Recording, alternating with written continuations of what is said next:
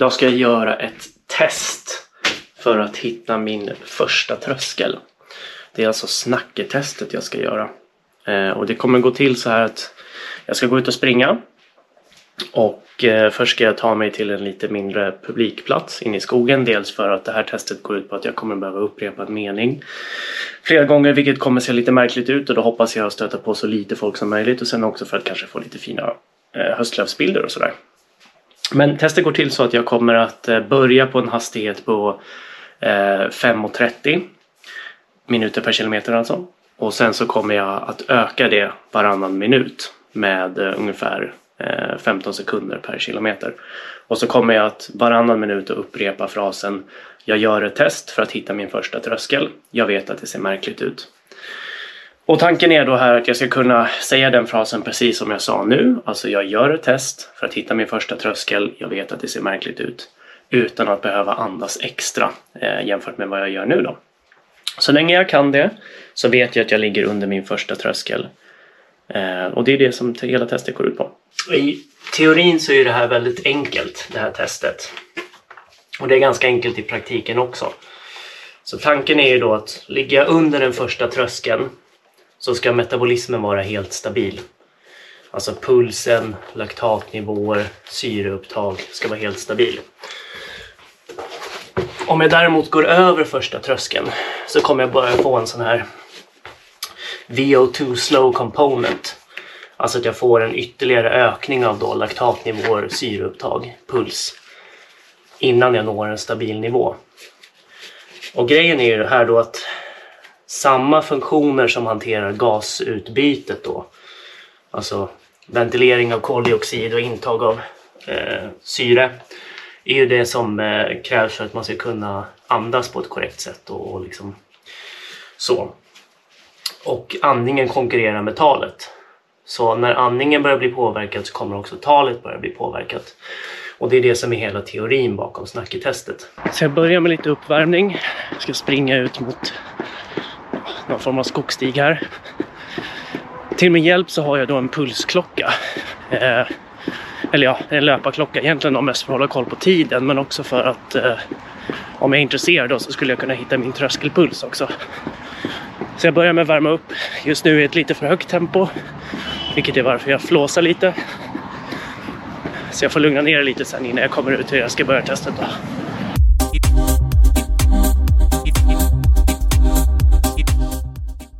Sådär, nu har det gått 10 minuter av uppvärmning.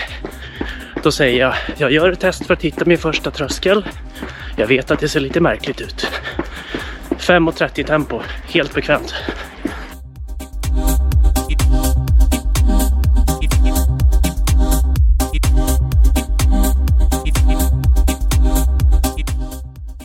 Nu har jag kört 2 minuter på 5.15. Jag gör ett test för att hitta min första tröskel. Jag vet att det ser lite märkligt ut. Helt bekvämt.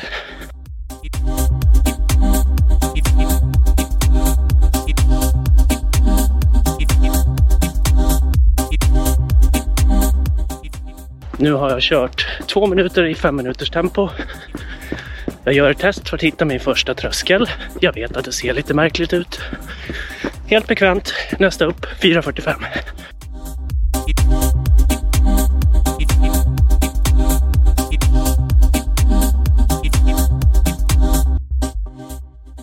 Nu skulle jag kört nästa här men det är lite av en uppförsbacke här så vi tar det lite lugnt. Som ni märker så blir min andning lite mer påverkad. Det är ju, man kan ju säga det då, väldigt lämpligt att göra det här på löpband. För att eh, då kan man ju styra tempot helt själv och givetvis också då lutningen. Nackdelen där är att då är det ju typ alltid folk runt omkring en som tycker att man är märklig.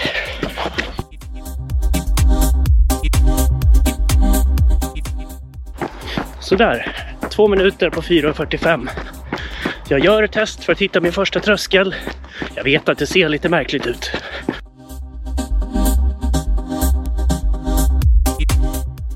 Det har varit lite stökigt ett tag med upp och nedförsbackar. Men nu har jag kört 4.30 i ett par minuter. Jag gör ett test för att hitta min första tröskel. Jag vet att det ser lite märkligt ut. Det här var inte bekvämt, det hör ni ju. Så jag kommer behöva backa av här till 4.45 ungefär för att bekräfta att det är någonstans där som första tröskeln ligger.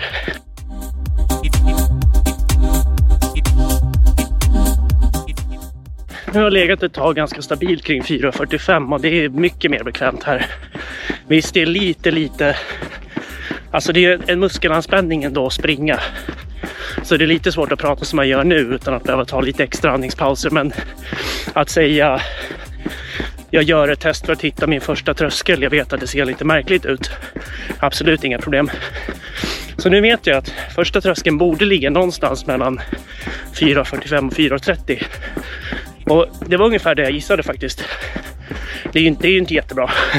Men jag är inte jättebra tränad heller. Jag har knappt sprungit alls de senaste... Ja, ja, sen min andra dotter kom då, så ungefär sex månader. Cyklat lite, väldigt lite och sådär. Så att det är att förvänta. Man, man ska göra tester på löpband om man vill ha bra resultat. Det här är, det är svårt att hålla det så extremt eh, precis här för minsta lilla upp och nerförsbacke så måste man justera och det är ganska svårt att göra det. Så jag rekommenderar absolut löpband men just idag så vill jag faktiskt komma ut lite. Ni kan ju se varför.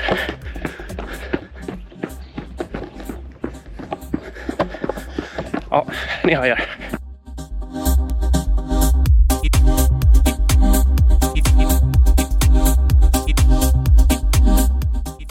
Så första tröskeln är det som skiljer zon 1 från zon 2 i den här trezonsmodellen som jag föredrar att använda.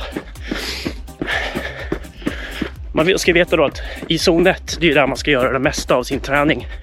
Oavsett vilken typ av träningsmodell man tillämpar. Alltså, eh, tränar du polariserad träning så ska det vara ungefär 80 procent i zon 1. Alltså under första tröskeln. Vilket för mig då skulle innebära att springa runt 5 minuter per kilometer. Typ. Ganska mycket då. Eller, ja, nu tränar inte jag särskilt mycket, men om jag skulle träna mycket skulle det bli ganska mycket. Och sen ganska lite av träningen ovan det då.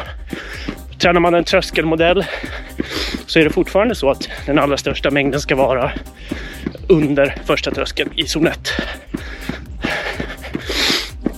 Och det är därför den här avgränsningen mellan zon 1 och zon 2 blir väldigt viktig. Och det här är ett väldigt enkelt sätt att ta fram det.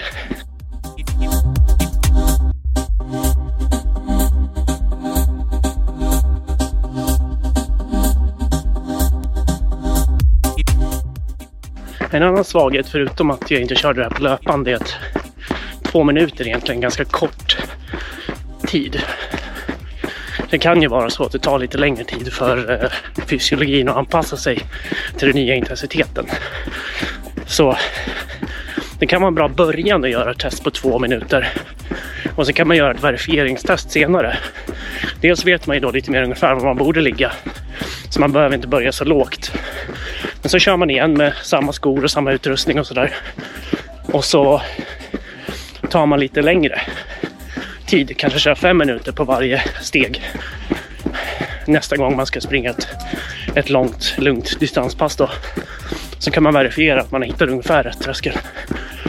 Borde man hamna ganska rätt.